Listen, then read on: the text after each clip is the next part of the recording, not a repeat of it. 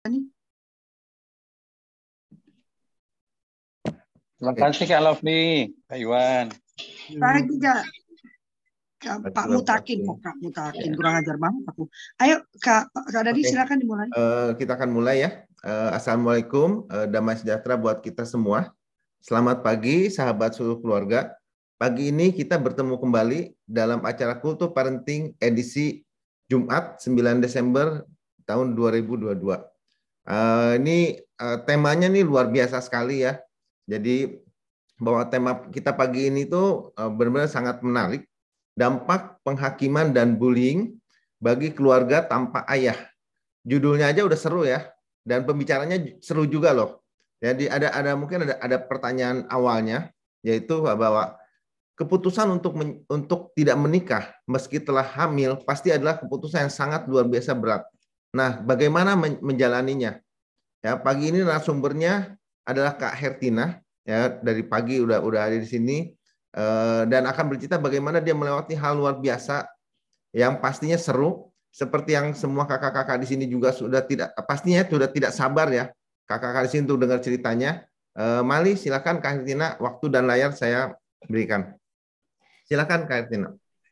Baik, terima kasih Pak. Selamat pagi, eh, untuk semua yang menyaksikan kegiatan hari ini. Saya sangat bersyukur kepada Tuhan bahwa ada kesempatan saya untuk untuk bisa berbicara di dalam eh, komunitas ini ya kultur paren- parenting. Jadi semoga eh, ketika saya berbicara, ketika saya men-sharingkan apa yang saya alami dan pengalaman saya ini bisa membantu untuk eh, setiap teman-teman di sana, terutama para perempuan yang memutuskan untuk punya anak, gitu kan.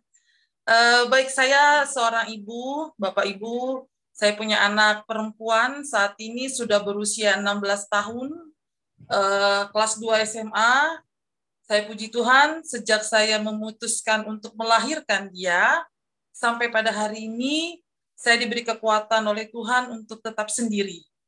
Walaupun sebenarnya itu tidak mudah. Banyak hal yang di luar sana yang membuat ya pe- pemikiran kita terganggu atau rasa-rasa yang ada perasaan ingin lari, ada perasaan ingin mengakhiri hidup pun ada gitu.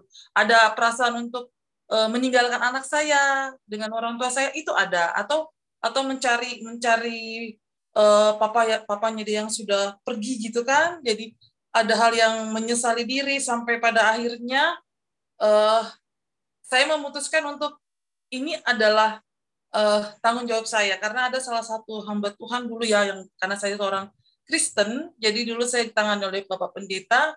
Ketika saya sedang kusut kalut dan eh, nggak tahu mau ngapain tidak ada pekerjaan tetapi saya harus membesarkan anak saya. Mama waktu itu meninggal juga meninggalkan saya di saat yang sama gitu loh di saat saya punya anak belum bisa mandiin baby aja belum bisa gitu kan. Tapi mama meninggal dipanggil Tuhan dan ada masa di situ Bapak Ibu saya merasa bahwa Tuhan nggak adil gitu loh.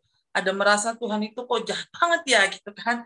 Eh, ternyata ada salah satu pendeta yang menangani saya pada waktu itu mengatakan bahwa eh, seorang perempuan kalau bukan karena kehendak Tuhan dia tidak akan pernah mungkin bisa dipercaya memiliki seorang anak di rahimnya.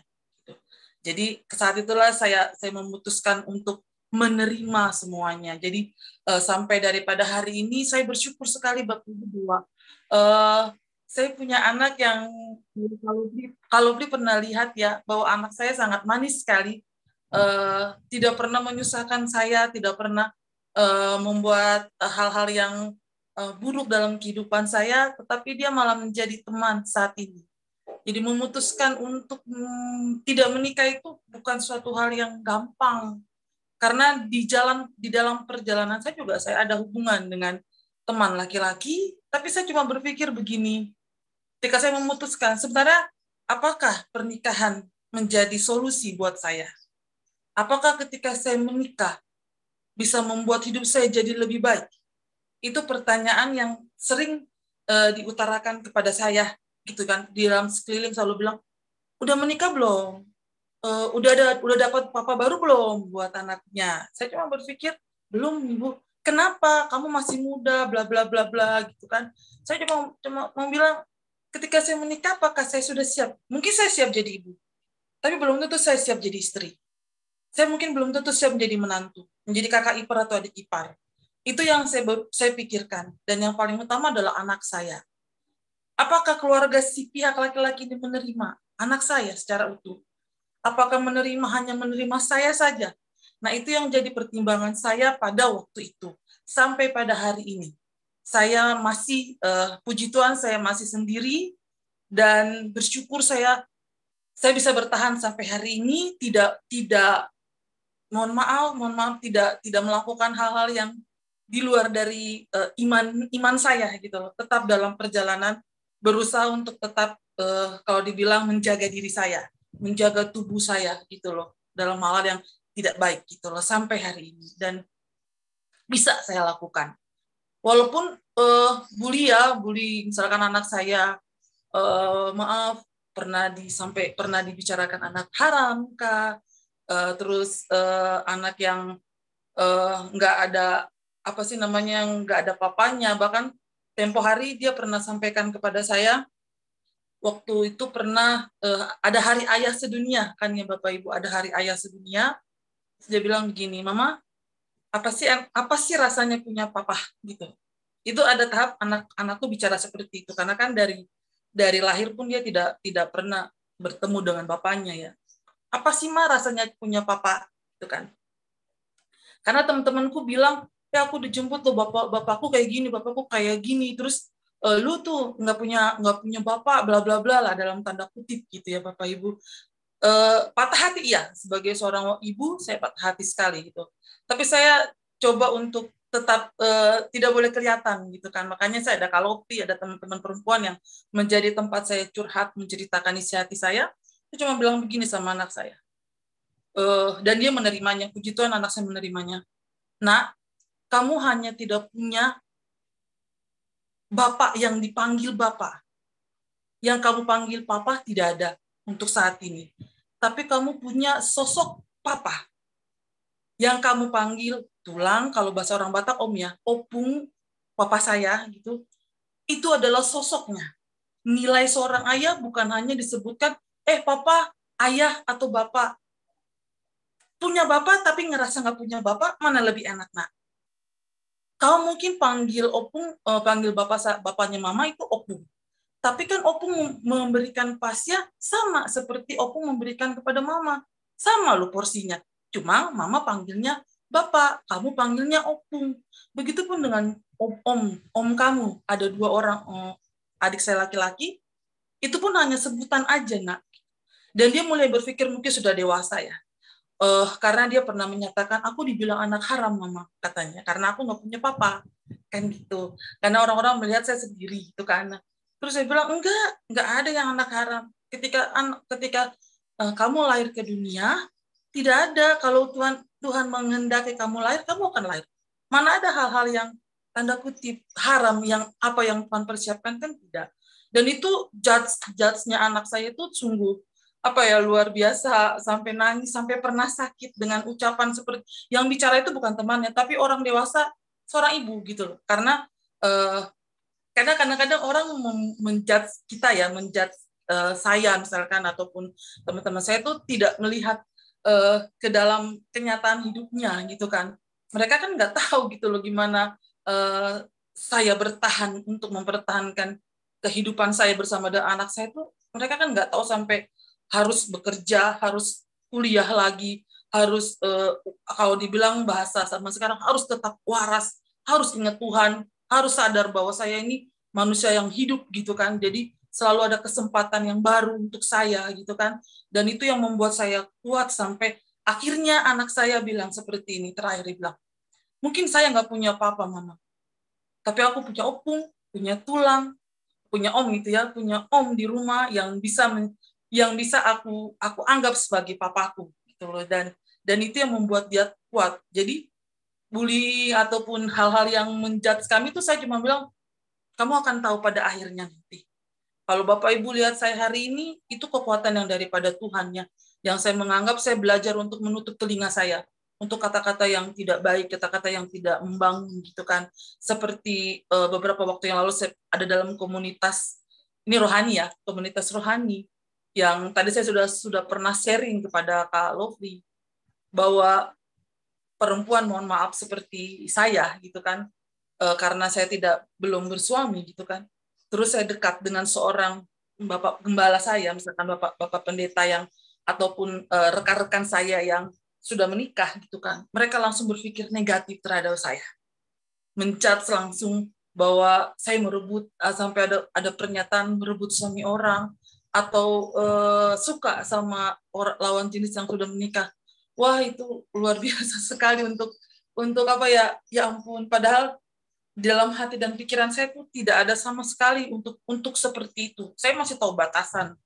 Uh, saya masih tahu jaga jaga diri saya gitu kan. Nggak melulu saya dekat dengan teman laki-laki langsung dibilang uh, suka atau merebut apalagi yang sudah menikah gitu kan yang sudah punya istri itu itu terjadi sama diri saya gitu loh dan itu yang menjudge bahwa seorang perempuan sendiri punya anak itu uh, pikirannya uh, selalu laki-laki atau atau ingin ini enggak. Bapak Ibu saya menyatakan, saya bekerja karena karunia Tuhan. Saya bekerja, saya punya orang tua, saya punya keluarga yang harus saya jaga jaga nama baiknya. Jadi tidak melulu perempuan seperti saya itu dekat dengan bapak-bapak gitu ya. Itu langsung berpikir bahwa akan merebut dia. Oh enggak. Hidup kami sudah hidup kami itu udah sulit gitu loh. Menjaga diri sampai hari ini tuh sulit gitu loh. Nambah masalah, oh tidak bisa, tidak mau saya bertengkar akhirnya saya tough gitu saya mundur mundur beberapa langkah bahwa oh ya berarti saya harus punya batasan nggak boleh terlalu dekat dengan teman laki-laki jadi membatasi diri ya artinya uh, menjaga diri saya untuk tidak dalam hal-hal karena apalagi anak saya sudah de, sudah besar ya. Jadi sempat dia dengar seperti itu kan uh, langsung dia ngomong sama saya mama mama itu ya begini begini begini gitu kan. Oh kenapa begini mama? Jadi sampai hal ketika saya dekat sampai tahap gini ketika saya dekat dengan seorang teman laki-laki yang yang sudah menikah gitu padahal kita cuma cuma sebagai rekan kerja saja gitu kan rekan pelayanan saya di gereja gitu anak saya langsung bilang begini mama jangan dekat-dekat mama duduk bersama aja dia langsung langsung saya karena dia takut karena sudah sudah ditegur dia karena sekarang saya berbicara di sini apakah itu pas gitu loh untuk anak saya gitu loh. Untungnya anak saya anak yang jujur ya, maksudnya anak yang berbicara kepada coba kalau anaknya pendiam. Apa yang akan terjadi? Sampai ketakutan dia bilang, duduk saja saya berdua sama teman laki-laki langsung, "Mama, jauh langsung ditarik tangan saya, jelas di depan dia." Padahal uh, dia hanya berpikir uh, omongan orang, "Mama, mama katanya dekat sama itu gara-gara ini." Jadi jadi begitu langsung sampai marahnya luar biasa dia sama saya gitu kan karena padahal saya nggak ada niat untuk, untuk hal itu gitu loh maksudnya uh, mungkin kalau berbicara di sini gitu ya kita kalau menjudge orang membuli orang itu kalau belum kenal gitu kan memang sih saya tidak bisa tidak bisa memaksa orang untuk berpikir sama dengan saya. Tapi mungkin dengan cara saya berbicara di tempat ini gitu kan dalam komunitas ini mungkin bisa didengarkan gitu loh. Nggak semua perempuan-perempuan seperti saya tuh seperti itu gitu. Nggak ada berpikiran uh, apa sih dekat sama laki-laki langsung suka. Enggak enggak segampang itu untuk untuk langsung memberikan diri kepada mereka. Enggak yang kasihan anak saya. Sampai dia kalau lihat saya telepon dia lihat sama laki-laki itu. Padahal teman saya gitu ya udah langsung bilang siapa mama? Siapa mama mama deket jadi kayak gitu gitu loh sampai ketakutan dia. Ketakutan dia takut mamanya disakiti. Kan itu intinya anak saya kan gitu loh. Jadi dia yang uh, terganggu pelajarannya, terganggu ke kegiatan kehidupan akhirnya. Saya, saya saya tenangin dia, saya saya coba berbicara sama dia, enggak nak, mama enggak kok, um, tetap mama ada sama kamu di sini, mama tidak akan tidak akan meninggalkan kamu, dia takut gitu loh, takut nanti mamanya ninggalin dia, takut mamanya diambil sama orang lain gitu kan, terus nanti mamanya disakiti, nah itu yang itu yang yang mungkin tujuannya yang tadi saya dengar gitu kan kayak kalau saya senang sekali supaya kami tidak menikah bukan untuk mencari laki laki-laki sembarang gitu loh. Enggak enggak enggak melulu. Kita uh, saya bertahan 16 tahun seperti ini tidak tidak melakukan hubungan apa-apa itu karena saya sudah menyerahkan diri dan memutuskan kalau saya dekat dengan teman laki-laki bukan berarti saya ingin mengambil dia gitu loh karena buat buat perempuan ya seperti saya uh, saya akan berpikir, ada nggak untungnya saya menikah dengan kamu? Ada nggak untungnya saya dekat dengan kamu? Sampai papa saya juga pernah bilang, apa kamu sudah tidak ingin menikah menikah gitu? Bilang, sekarang menikah gunanya apa? Untuk apa? Gitu kan? Kalau untuk sebuah kesenangan, saya sudah senang seperti ini gitu loh. Tapi kalau itu menjadi kebutuhan, saya pasti akan mendapatkan. Tapi untuk saat ini belum. Saat ini saya sudah senang dengan anak saya, saya ingin meniti karir saya, saya ingin membesarkan anak saya, walaupun di sekeliling saya ini menyatakan bla bla bla bla bla, saya tidak peduli. Silakan berbicara. Tidak ada yang melarang. Tetapi saya akan membuktikan diri bahwa apa yang dipikirkan orang di luar sana itu tidak sama, gitu loh.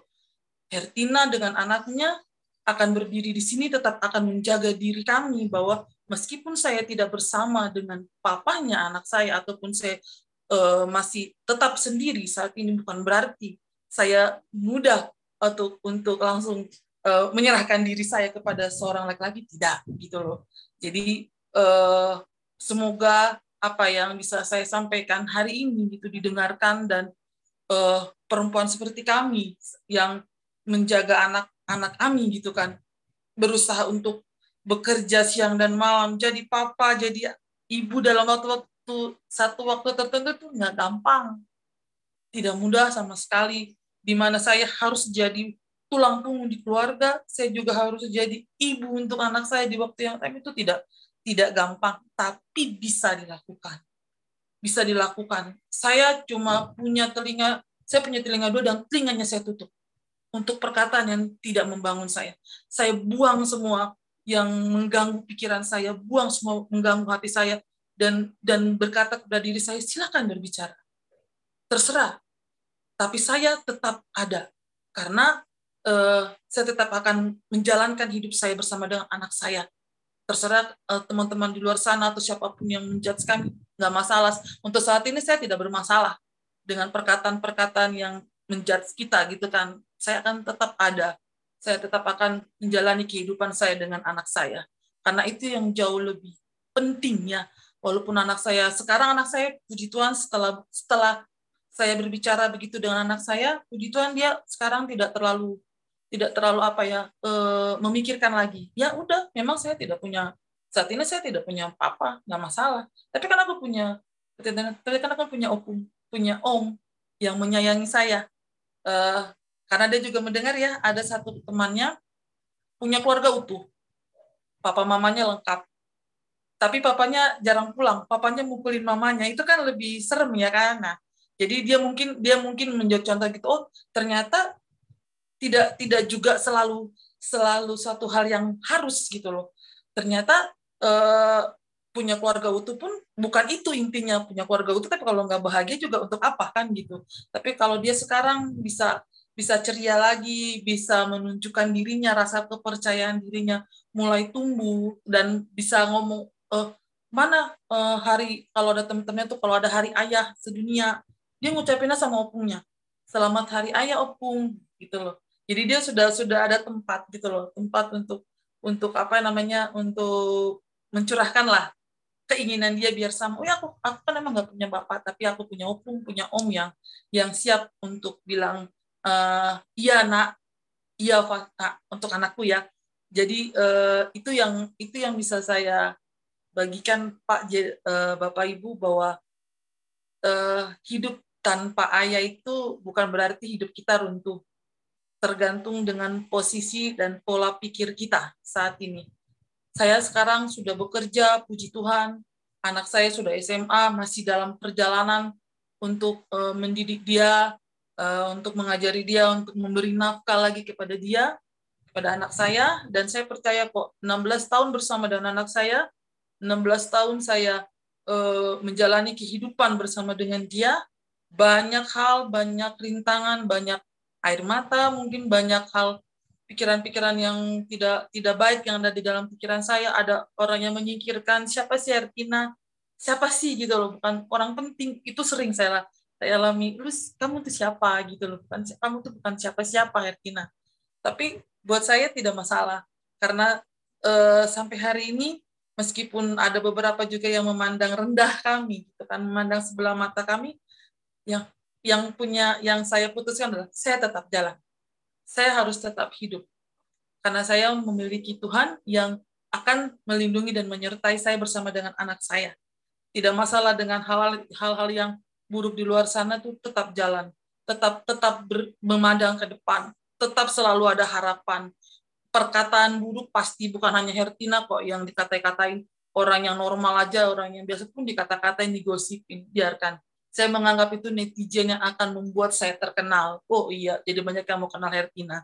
Jadi itu yang yang yang saya sampaikan uh, saat ini uh, kiranya bisa bisa apa ya, bisa membantu sedikit lah untuk eh, teman-teman uh, perempuan yang memiliki hal yang sama dengan saya gitu pak uh, waduh uh, luar biasa ya uh, makasih Kak Tina udah mau berbagi uh, tentang apa hidupnya hatinya ya uh, minggu ini uh, luar biasa saya hari minggu ini uh, bertemu dengan tiga pahlawan wanita termasuk Kak Kak Hertina ya. Uh, kemarin hari Rabu ada dua juga yang sharing, Lovely dengan uh, Kak Canita. Hari ini saya dengar lagi, waduh, uh, kalian luar biasa ya. Uh, di tengah semua yang terjadi di masyarakat, mungkin ya, omongan ya. Tapi yang tadi istilah Kak Hertina itu uh, bahwa Kak Hertina harus tetap uh, dalam kondisi yang waras gitu ya. Dalam itu dan dan itu udah luar biasa sekali. Apalagi membesarkan satu anak Eh, sendirian ya jadi harus merangkap sebagai ayah. Itu sangat sangat nggak mudah dengan semua pergunjingan dan pembicaraan.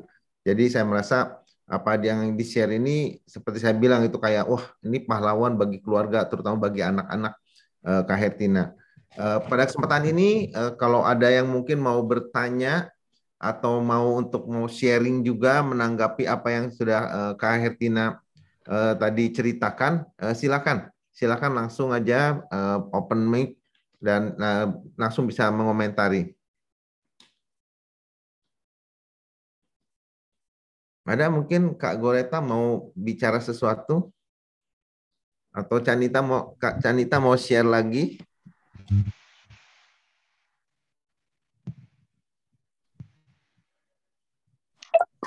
Shalom, sangat Kak Hertina. Memang nggak mudah sih Kak melewatin apa uh, melewatin semua bahkan di lingkungan mana pun gitu ya ada aja gitu loh. Ya saya anggap itu bumbu-bumbu ya penyemangat aja tapi nggak sama sekali niat dalam hati untuk uh, apa uh, mengganggu bahkan ya apalagi ya buat itu. Maaf saya sih punya pecel gini satu aja belum beres gimana? Muka ini itu seperti kayak cari masalah sebenarnya. Jadi saya cuma berbuat baik walaupun itu dilewati juga gitu ya. Uh, ya puji Tuhan apa puji Tuhan bisa di bisa ditangkis itu sih. Tapi semangat Kak Hetina luar biasa. Um, apa keputusannya menjalani uh, ini. Tapi memang uh, komunitas yang benar-benar bisa support itu uh, dibutuhkan sih mas lingkungan itu lingkungan yang benar bisa mensupport ya. Mungkin kita nggak berada di lingkungan tapi kita bisa mencari gitu. Ya gitu. Uh, ya big thanks buat Kak Lovely dan semua yang terlibat di dalamnya itu untuk ada operate itu juga kultur keluarga ini juga uh, ya paling nggak memberikan gambaran ya keputusan tetap kita masing-masing pribadi masing-masing. Itu aja. Itu kak yang bisa saya tambahin. Semangat kak Hetina Ya, thank you Kak Canita. Tadi Kak Goreta kayaknya udah open mic juga, silakan Kak Goreta. Terima kasih Pak Dani ya, saya panggilnya Pak Dani. Yeah. Speechless dengar pengalaman hidup Ibu. Uh, sebelum saya menyampaikan sesuatu, saya orang tua murid di sekolah Ibu Hertina, tempat mengajar. Jadi sedikit banyak karena perkenalan kami juga masih baru, namun saya sudah merasa intimate dengan Ibu Hertina. Beliau welcome sekali dengan apa pun uh, kondisi anak yang tentunya nggak satu dua yang di take care banyak ya termasuk anak saya. Sedikit banyak pengalaman ibu saya mengalami juga. Walaupun status saya memang masih bersuami sah. Bu Hertina juga pernah saya ajak saya sita tepat uh, tepatnya waktunya saya sita untuk sharing minta wejangan. Tentu kita kan berguru atau mencari wejangan uh, dengan orang-orang yang uh, bukan saja nyaman ya Pak Dani ya, kita bisa percayakan pergumulan hidup kita yang uh, ternyata tidak jauh berbeda dengan saya gitu. mungkin sedikit beruntung karena memang status masih sah suami istri, tapi kata beruntung ini seperti Bu Hertina katakan belum tentu juga jadi saklek beruntung ya Bu. Kalau di di mana kondisi suami istri itu tidak harmonis, ya jadi nggak beruntung sebetulnya. Justru horor ya Bu ya. Kita ngomong santai tapi apa adanya ya Bu Hertina ya gitu. Nggak bermaksud menjelek-jelekan suami saya atau Bapak Joshua. Nah, jadi saya sayangkan memang eh, gimana pun kita membangun rumah tangga itu kan tentunya untuk ibadah gitu dengan segala keterbatasan saya dengan segala kekurangan saya saya berusaha mencoba atau dan melakukan uh, setiap aktivitas saya me, apa ya di masih di dalam koridor yang ada. Tapi uniknya kalau Bapak Joshua ini uh, tipikal ini Pak Dani. Sedikit berbicara kalau enggak once enggak cocok di hati bisa ada kontak fisik, bisa dengan perkataan yang membuat kepahitan, dan itu uh, biasanya kalau kita mau cari solve problemnya, mau cari solusinya itu selalu ngegantung aja. Ngegantung tuh dalam artian nggak fix gitu. Nah itu berjalan berjalan terus bertahun-tahun, akhirnya jadi bom bunuh diri kali ya, kasarnya begitu. Tapi tak terhindarkan, artinya begini, perempuan itu emang kecenderungannya pakai perasaan ya Pak Dani ya Bu Hertina gimana ngerasain makanya ada kata-kata tadi unik ya uh, saya juga merasakan harus tetap waras. Gimana pun karena kita fight untuk anak. Benar nggak Bu? Setuju nggak sih Bu? Gitu. Gimana ya? Bukan saja karena karunia dari Tuhan, harta yang paling berharga dalam hidup kita itu anak, tapi kata-kata harus tetap waras itu akhirnya membalancing menurut saya ya Pak, ya Bu Hertina. Untuk tidak kita juga terlarut dalam kesedihan. Itu yang aku alami karena saya tipikal, tipikal orang yang melo juga nih. Kebetulan keras tapi melo gimana tuh Pak? hampir tiap hari bisa nangis. Cuma hal-hal sepele aja bisa nangis. Atau sekedar anak saya um, usap-usap pala saya, punggung saya tuh nangis karena ya memang sedikit info bahwa saya sejak meninggalkan rumah alasannya jelas memang karena uh, saya izin sih Pak, izin uh, rumah itu udah rusak, rumah yang kami tempati, rumah kita beli memang gitu. Banjir terus. Nah, akhirnya anak saya kan gak ada sosok figur ayah. Adapun kalau ketemu once dia lagi day off, dia bawa pergi jalan-jalan atau perlu misalnya nginep ke, ke saudaranya, tapi dia tidak dapat full karena uh, gimana pun tidak terhindarkan hari-hari misalnya anak tuh butuh didampingin belajar, didampingin bermain, even cuma main game, kebetulan hobinya sama sama papanya. Itu agak miss sih memang. Tapi aku melihat lagi dalam pergumulan saya entah lagi saat teduh atau lagi merenung, oke okay, inilah tidak sempurnanya hidup. Balik lagi kata-kata harus tetap waras itu yang akhirnya memotivasi sih. Oke okay lah, apa yang kamu bisa lakukan lakukan saja. Baik jadi ibu, baik jadi sahabat, baik jadi ayah, baik jadi apa pun yang dibutuhkan anak. Sedikit banyak itu yang pengen saya sharing sih Pak. Satu uh, kalau boleh nambah, tadi ya apa ya saya pengen pengen angkat uh, sesuatu tentang bullying itu ibu sedikit banyak uh, tahu tapi saya tidak perlu buka semua ya bu ya Ya, yang pasti bullying ini kan perundungan ini sensitif ya Pak. Mau di lingkungan tempat tinggal, mau di lingkungan sekolah. Akhirnya ekstra nih. Jadi figur ayah yang ekstra juga nih akhirnya saya jadi ke anak saya karena dia tipe ke tipe uh, anak yang dia laki-laki tapi dia nggak gampang bicara apa pun yang dialami. Once dia udah merasa sangat kalau bahasa orang muslim bilang terzolimi baru dia cerita kalau sedikit perbedaan dengan kakak Fasya kan dia jujur ya Bu. Maksudnya mungkin karena atau karena perempuan ke perempuan ya. Kalau laki ada kecenderungan dia sungkan gitu Pak Dani. Sungkan untuk bicara. Pun juga banyak yang jadi pemikiran dia kalau aku cerita nanti masalahnya jadi runyam. Eh terjadi lagi. Saya nggak usah buka ya Bu Hertina. Jadi terjadi tuh Pak. Ada ya. ya begitulah, ada konflik lah dengan orang tua murid. Jadi uh, saya sendiri berdiri sendiri saat ini. Tentu saya hanya berpengharapan sama Tuhan yang memberi kekuatan. Ya notabene suami yang harusnya ada peran di dalam ini karena berangkat dari masa pembulian artinya urusan anak ya. Tidak mengambil bagiannya. Kalau saya mau salahin saya juga nggak bisa. Saya berharap juga udah nyata-nyata dia nggak ada respon positif. Jadi pertanyaannya untuk uh, case yang kedua tentang bully ini Pak Dani mungkin atau Bu Hertina yang lain bisa kasih masukan buat saya uh, apa ya setelah kasus ini nanti mungkin uh, ya saya berharap selesai dengan uh, adil ya atau uh, katakan sesuai prosedur yang ada.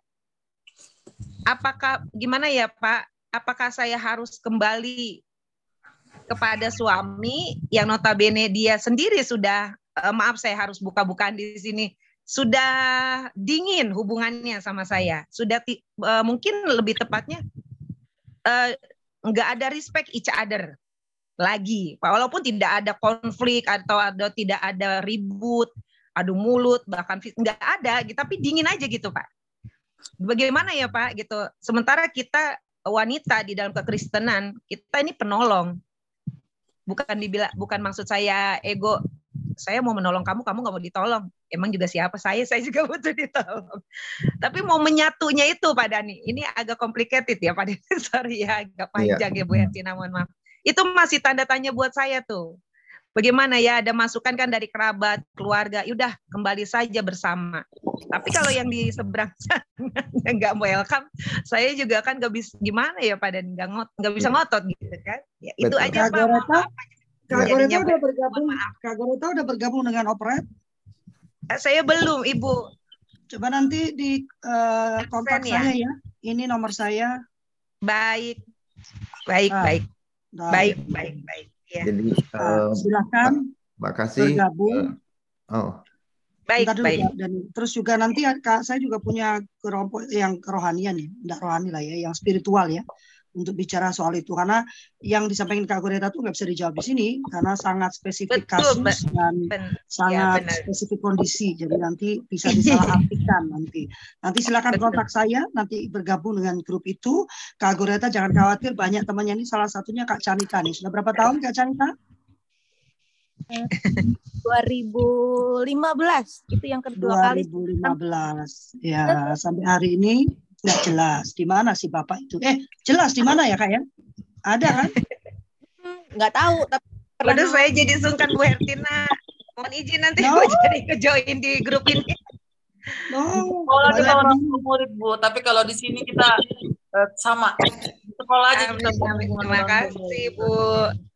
Iya. saya butuh ada seperti itu untuk menguatkan Bapak Ibu kasih. Ya, silakan bergabung ya kak. Eh, silakan bapak saya nanti saya kasih linknya karena saya nggak pernah nambah. Ibu yang harus eh, kakak yang harus join dengan operator. Ya, Oke okay, baik. Ya, baik. ya. Silakan Kak Dani, sorry. Ya, uh, makasih uh, Kak Goreta untuk sharingnya. Wow.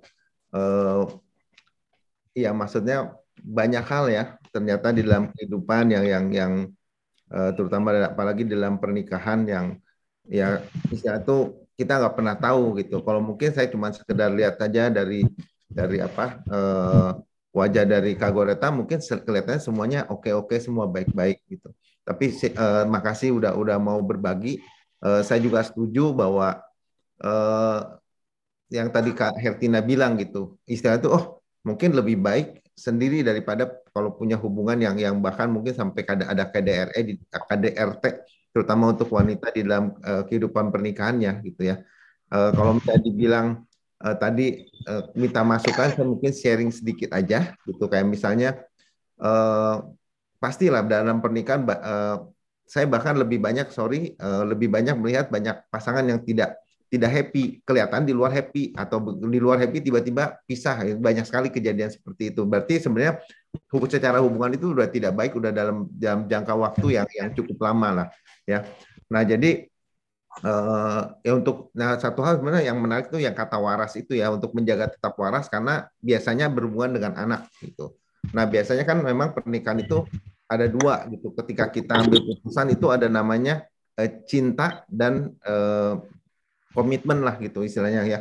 Jadi satu uh, cintanya bisa hilang gitu. Ya banyak sekali itu ada ada ada lessonnya tersendiri lah love connection ya.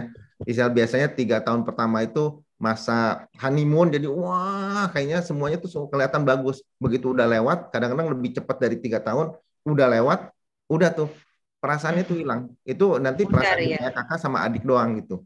Lama-lama bukan kakak sama adik lagi jadi musuh. Jadi perasaan tuh oh, oh kalau ngomong tuh nyolot ribut aja.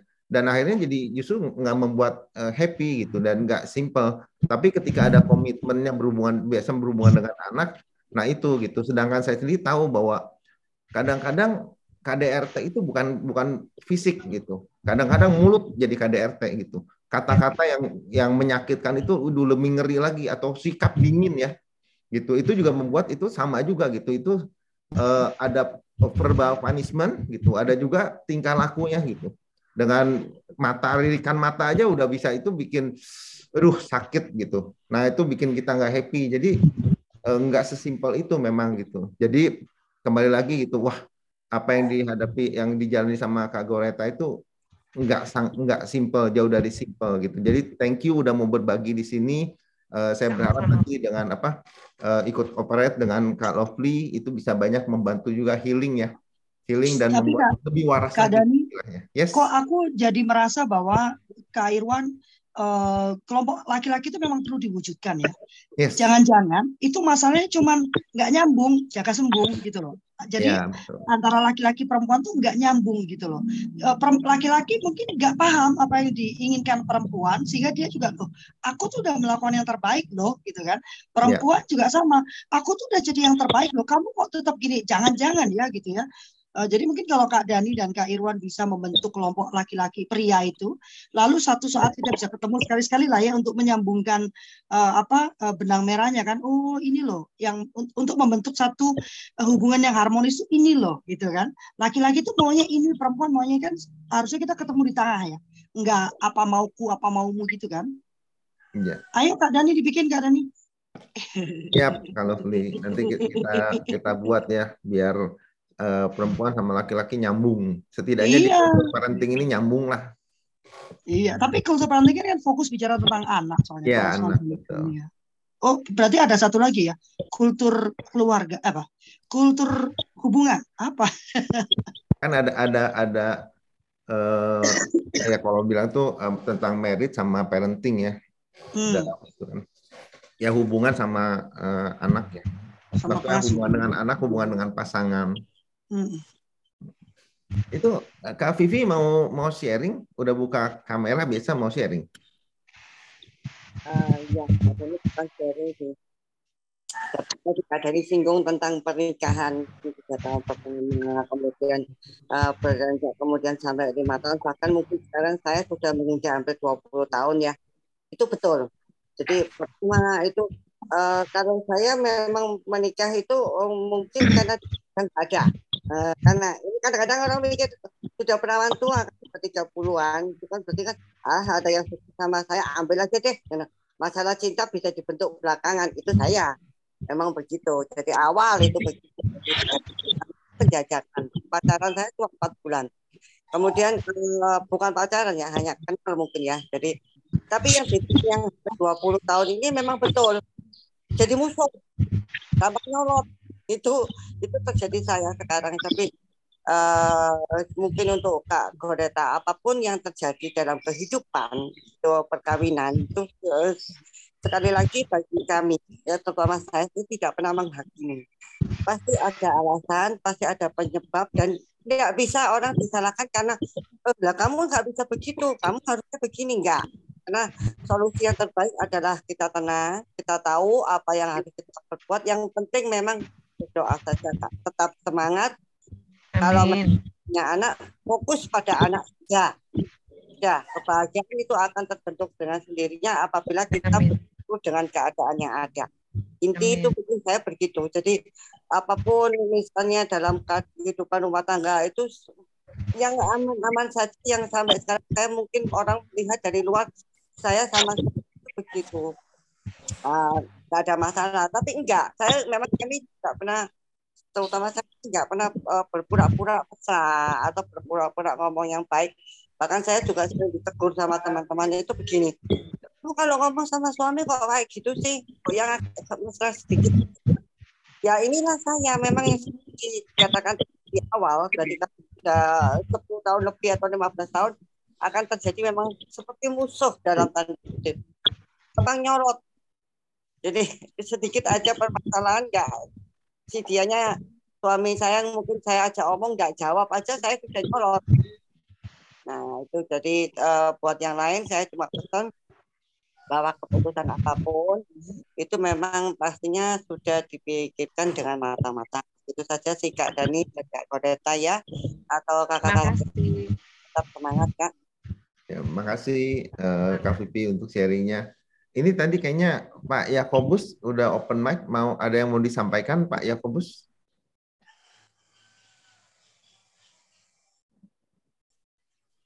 Atau mungkin tidak sengaja terbuka? Oke, okay. uh, jadi uh, aduh saya jadi maksudnya uh, bersyukur lah ya bisa-bisa dengar karena saya juga ada ada istri juga mungkin dia juga nggak bisa sampaikan tapi saya dengar dari dari ibu-ibu di sini kan itu bisa memperbaiki apa yang apa uh, dalam kehidupan pernikahan saya. Uh, thank you. Uh, mungkin apa uh, ada ada sebenarnya ada satu pertanyaan buat Kak Hertina dari dalam pemikiran saya gitu ya. Apa sih hal yang paling ya mungkin satu atau dua aja yang paling uh, menurut Kak Hertina itu yang bisa membuat Kak Hertina tetap waras tadi istilahnya itu ya. Uh, mungkin satu atau dua hal yang membuat itu walaupun dengan semua apa yang dialami mau itu uh, dari luar maupun dari dari anak atau dari perasaan mungkin dari saudara itu. Tapi Hartina Kak Hertina masih bisa waras itu apa nih? Itu kiat-kiatnya. Hmm, kalau saya kenapa saya tetap bertahan mungkin? Maksudnya seperti itu ya Pak? Ya begitulah. Tetap, tetap pada prinsip saya. Mungkin karena memang yang pertama dasarnya sudah seperti itu Pak. Kalau saya sudah memutuskan sesuatu, meskipun dunia ini bilang tidak, saya tetap akan lakukan. Karena saya sudah mempertimbangkan saat saya ditinggalkan dalam keadaan hamil dan melahirkan anak saya bersifat dengan papa dan mama saya yang mendampingi saya, saya cuma berpikir uh, bahwa anak ini adalah anugerah Tuhan. Itu yang saya ingat karena tidak semua tidak semua perempuan dikasih kesempatan Tuhan untuk kehidupan dalam rahimnya. Tapi Tuhan percayakan itu sama saya. Yang ya. saya takutkan pada saat itu adalah hal ini tidak akan terjadi dua kali. Jadi saya saya itu itu keputusan itu keputusan pertama. Lalu keputusan yang kedua, saya pernah menjalin hubungan Pak, pernah membuka hati saat itu. Coba mungkin dan percobaan itu tidak akan pernah lagi saya lakukan uh, sebagai percobaan ya. Jadi saya berpikir bahwa uh, nanti ketika menikah yang begini sama saya. Anaknya tinggalin dulu. Kita menikah dulu. Menghadap orang tua saya. Setelah itu baru kita bicarakan. Hal seperti itu langsung terkena di pikiran saya dan di hati saya. Kalau tujuan saya, mohon maaf, mencari laki-laki, saya tidak akan pernah mau melahirkan anak saya. Tapi tujuan saya adalah saya ingin mencarikan seorang ayah untuk anak saya lagi gitu kan. Karena papanya sudah meninggalkan kami gitu. Tapi kalau kamu seperti itu, oh tidak. Tidak bisa gitu loh. Hidup saya sekarang untuk anak saya.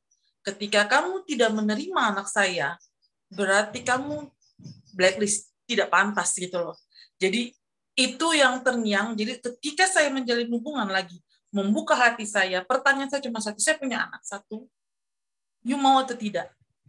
Terus dia bilang, e, ya mau. Kan kita sering dengan waktu ya. Jadi saya hanya dua kali dalam hidup ini saya membuka hati gitu kan. Dan yang pertama dan yang kedua itu gagal Pak. Karena pada akhirnya seorang laki-laki mungkin tidak semua ya Pak ya, tidak semua saya perlu garis bawahi. Hanya melihat Hertinanya tapi tidak lihat sebelah saya. Saya jadi you get one get a free one gitu loh. Apa beli satu dapat satu gitu kan. Yang free ini dia cuma bilang gini, dia seseorang yang sudah dewasa dan kami sudah menjalin hubungan satu tahun. Dia bilang gini, kita tinggalin dulu ya anakmu. Kita pergi untuk menikah dan kembali lagi. Oh, tidak bisa. Dalam prinsip saya mencari laki-laki itu tidak tidak sulit kalau kita mencari laki-laki saja. Yang saya cari itu adalah papa untuk anak saya. Dan juga untuk diri saya. Kalau kamu nggak bisa menerima uh, anak saya sebagai anak ya, tidak dalam tanda hal aneh-aneh gitu loh. Itu yang itu yang dan yang dan yang ketiga Pak, anak saya perempuan. Mungkin ini pola pikir saya aja, tuh kan. Yang saya akan nikahi kan bukan papanya, ya kan bapak bukan bapaknya saya nggak tahu apa yang akan terjadi di luar sana gitu loh. Anak saya lebih cantik dari saya, Bapak. lebih lebih dari segalanya. Jadi uh, saya dan saya tipe orang yang nggak bisa diem kayak kalau bentar-bentar lo di sana, bentar-bentar lo di sini gitu kan. Pasti saya akan tinggalkan anak saya. Mungkin mungkin ini pikiran saya ya, mohon maaf, tidak semua. Saya saya perlu garis bawahi, tidak semua seperti ini. Tapi saya menjaga itu. Buat saya begini, perjuangan saya sudah besar. Perjuangan saya sudah saya kasih sama anak saya. Terus ketika saya memilih seorang laki-laki yang salah, hancurlah semua. Lebih baik saya salibkan kalau dalam kekristenan, saya salibkan hawa nafsu saya, semuanya kebebasan saya. Tapi anak saya berhasil. Itu yang saya mau lihat. Mungkin saya bisa dapat, nanti pun saya, kalau Tuhan izinkan saya menikah, itu kan anugerah. Pasti bisa.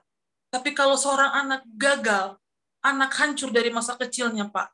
Saya seorang guru. Masa depan bangsa pun akan hancur.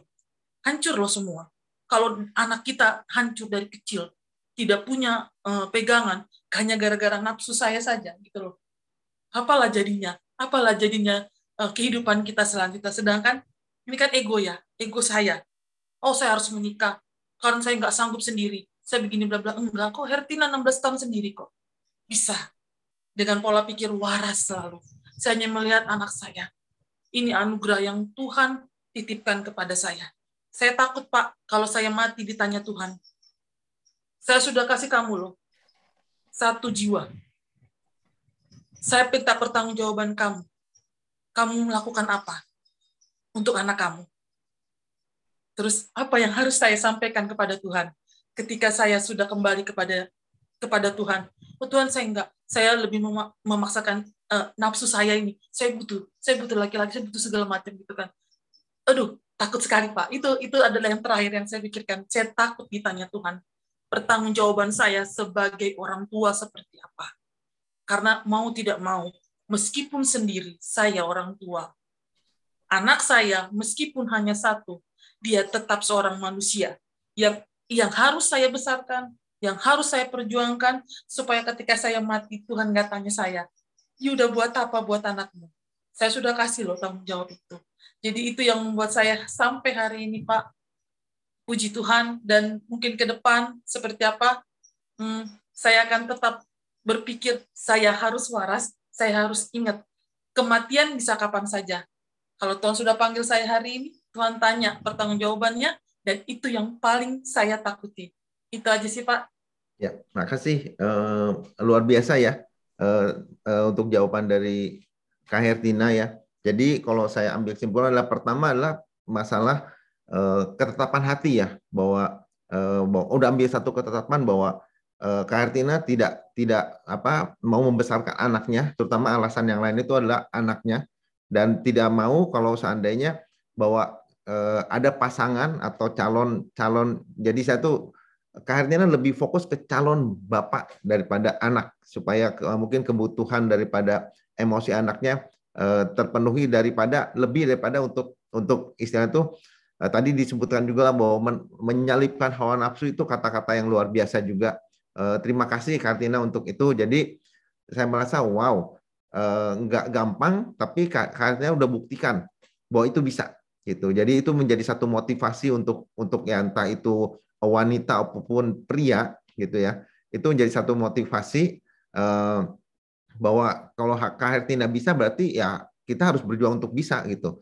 Kita lebih harusnya lebih fokus kepada anak daripada hanya sekedar memuaskan hawa nafsunya kita. Gitu. Jadi eh, terima kasih untuk itu. Eh, sekarang udah pukul 8.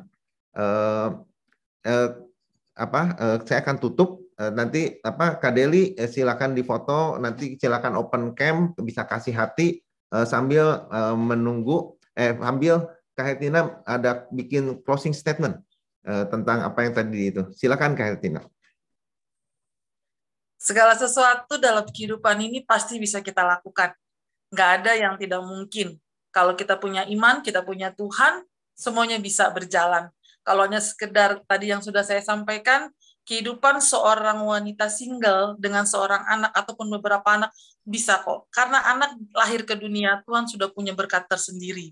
Jadi jangan takut, tetap berjalan, tetap berpikir waras, tetap beriman kepada Tuhan, semuanya akan baik-baik saja. Semua akan berjalan dengan dengan ketentuannya Sang Ilahi. Itu sih yang saya bisa sampaikan, Pak. Terima kasih untuk kesempatan saya bisa berbagi. Kiranya apa yang saya bagikan di saat kesempatan ini bisa jadi ya sedikit lah menolong teman-teman saya di luar sana. Terima kasih Pak. Ya, uh, makasih Kartina pasti menolong. Uh, bahkan sebenarnya tadi saya agak sedikit ke kelewat bahwa salah satu juga yang memotivasi Kartina adalah kalau saya rasa rasa takut Kartina sama sama Tuhan itu itu yang saya bisa melihat itu bahwa Kartina punya rasa takut sama Tuhan sehingga uh, Kartina nggak nggak mau apa apa uh, istilah tanggung jawab yang sudah Kartina terima ya baik itu berhubungan dengan apa uh, dosa maupun berhubungan dengan anak bahwa Kartina sudah tanggung jawab uh, satu anak nah Kartina nggak mau sampai